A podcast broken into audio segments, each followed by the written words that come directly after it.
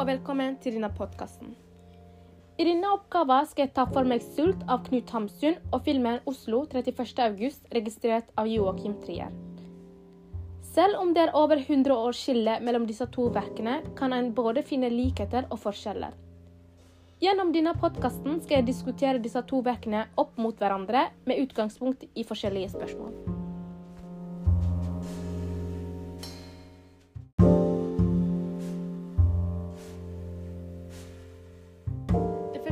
Første spørsmålet jeg skal ta for meg, handler om hovedkarakterene. Hvem er de, hvordan er atferden deres, og hvorfor handler de som de gjør? I Sult prøver jeg-personen å livnære seg som forfatter, men får ikke solgt verkene sine, og har derfor ikke penger til mat eller husliv. Ettersom han stadig er på sultgrensen, får det konsekvenser for psyken hans, og matmangelen gjør at hovedpersonen blir nervøs, desperat, og han får voldsomme humørsvingninger. Etter hvert blir han mer og mer irrasjonell og mister kontakt med den virkelige verden. I romanen vil jeg-personen framstå som velstående, men pengemangelen begynner å syne på kroppen hans og klærne han har på seg, og dette går veldig inn på ham. Jeg-personen forsøker likevel desperat å holde verdigheten oppe. Han er stolt og ærkjær. Handlingen i Sult er innskrenket til noen få måneder og er underordnet beskrivelse av de indre sjelelige tilstandene hovedpersonen befinner seg i.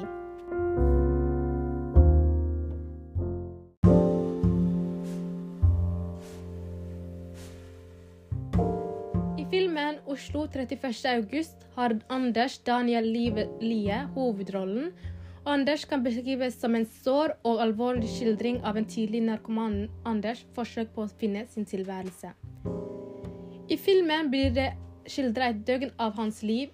I Oslo 31.8 framstår hovedpersonen som en spøkelse som beveger seg gjennom bybildet. Han virker så liten, og han mener selv at han ikke har noen mening i livet, og derfor virker det som han er i ferd med å utviskes som en person. Allerede i første scene står han foran vannet i skogen og er klar til å pågå selvmord. Etter hans mislykkede selvmordsforsøk er han med i en gruppesamtale på, på behandlingssenteret for rusmisbruk. Gjennom hele filmen vender han tilbake til kjente steder og venner, og til tider føler vi at han vil starte på nytt, men får ikke det helt til, for han mener at han har kastet bort livet på rus.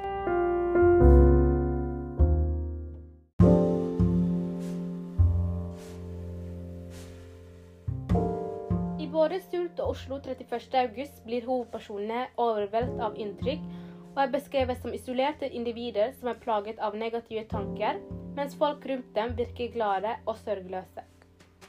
Verkene tematiserer den isolasjonen og følelsen av å befinne seg utenfor fellesskapet, som veldig mange mennesker opplever i den moderne verden. Det gjør de på forskjellige måter, som gjør at, det det, tydelig, eh, at det er tydelig at teksten er skrevet i to forskjellige historiske sammenhenger. Vi ser at hovedpersonene sliter med psyken, og begge individene er overlatt til seg selv med å finne en løsning på sine problemer. En annen likhet mellom hovedpersonene er at begge er kunstneriske typer som er flinke til å skrive. I filmen hadde Anders intervju av eh, forlagsredaktøren. Under intervjuet ser vi at han får en kompliment om at han skriver bra. Men Anders er ikke overbevist om dette eh, sjøl. Og dette fører oss inn på en forskjell mellom disse to hovedpersonene. Usult gir ikke hovedpersonen opp og fortsetter uansett hvor vanskelig det blir. Mens Anders gir opp, og dette gjør han før han har begynt. Det kan være fordi begge hadde forskjellige utgangspunkter. For mens jeg personlig Sult ikke hadde noe, hadde Anders alt, og på en måte ødela han for seg sjøl.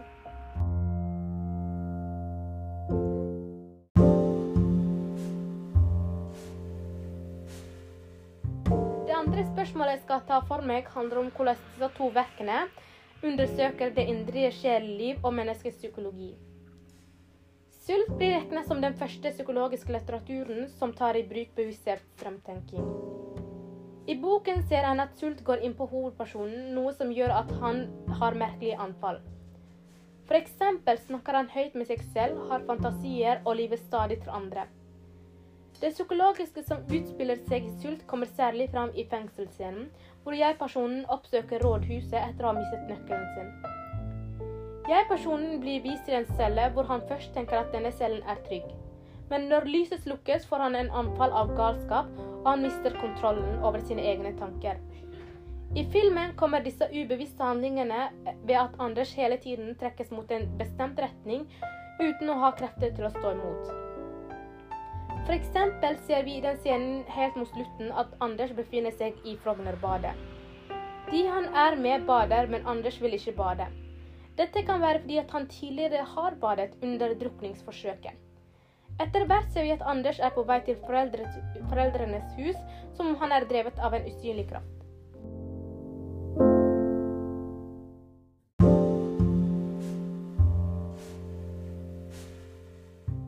Kjennetegn på psykologiske romaner er at plottet er underordnet og avhengig av den avgrensede karakteravgrensningen.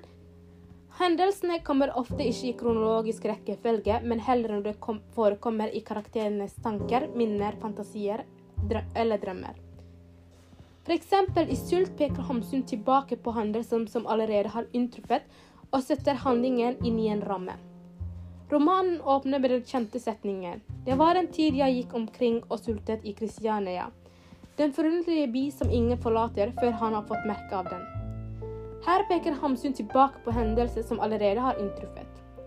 I likhet med filmen hvor den kronologiske rekkefølgen på bildet i visse scener blir kastet om flere ganger, og noen ganger blir det brutt sammenheng mellom bildet, bildene og karakterenes stemmer. Som f.eks. i den scenen hvor Anders sier ha det til den gamle kompisen Thomas.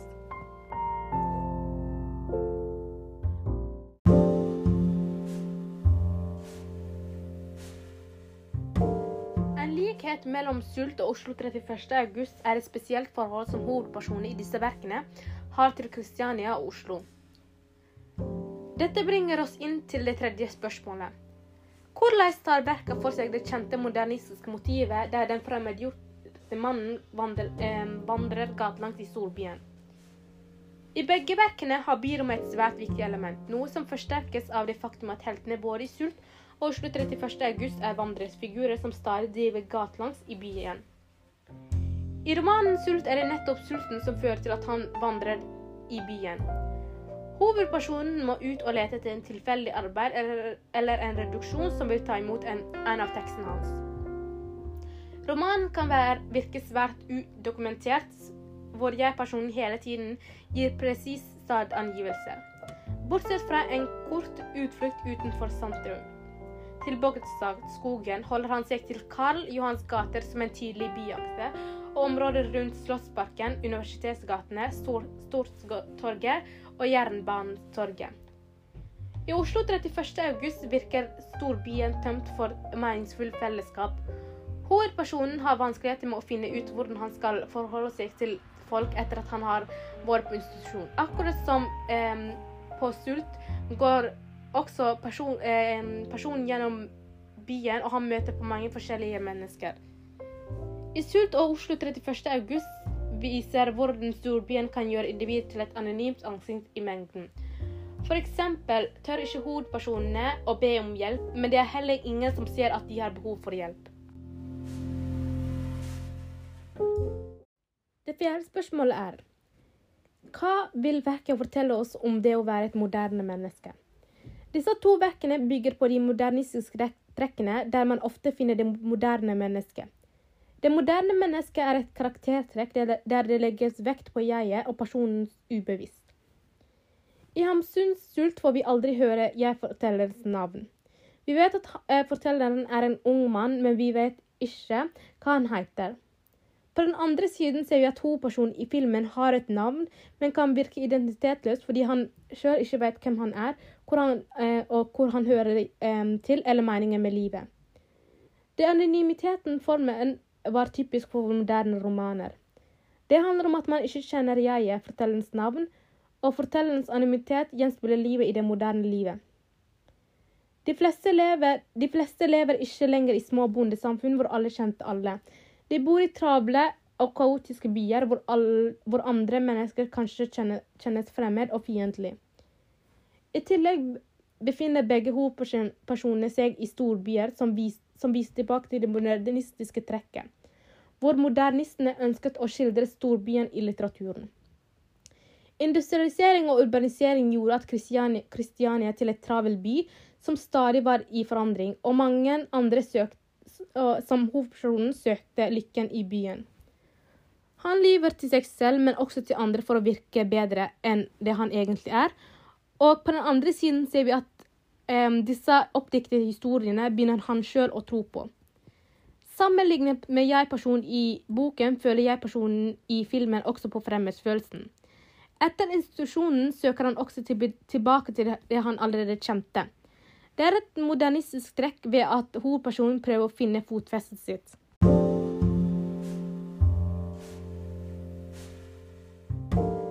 Siden begge hovedpersonene er svært ensomme mennesker, kan vandringer fungere en måte å bekjempe den ensomheten på. En storby kan gi en person flere anledninger til å treffe andre. Det som imidlertid skiller disse to hovedpersonene, er hvordan de oppfører seg i møte med, med folk. I Sult gjør han alt han kan for å bevare stoltheten og verdigheten sin. Han vil ikke at um, noen skal forstå hvor dårlig situasjonen hans er, så noen ganger nekter han å ta imot penger eller mat, men på en annen side vil han ikke unngå kontakt med mennesker. Løsningen er å ty til løgn. Han finner på fantastiske historier om seg selv og forteller det til andre for å, sette, eh, for å bli sett på en som han ikke er.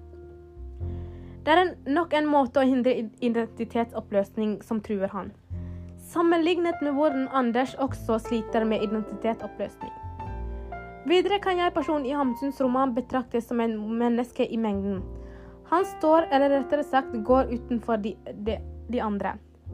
Slik blir han sett en, som en typisk modernistisk storbyfigur.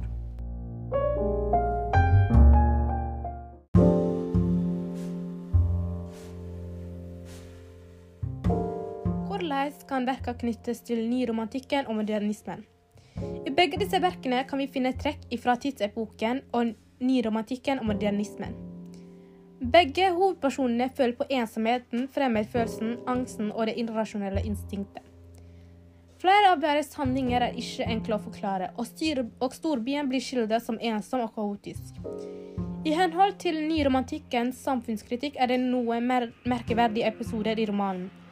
Flere av tingene han, hovedpersonen i Sult gjør, er et konkret rop om hjelp, hvor han istedenfor å få hjelp heller blir satt som en taper og en tulling av medborgerne. Akkurat som i, i filmen hvor Anders blir ydmykt av vennen hans. Alt i alt er begge disse hovedpersonene veldig interessante å studere fordi, man, fordi de, de, har mange likheter og forskjeller.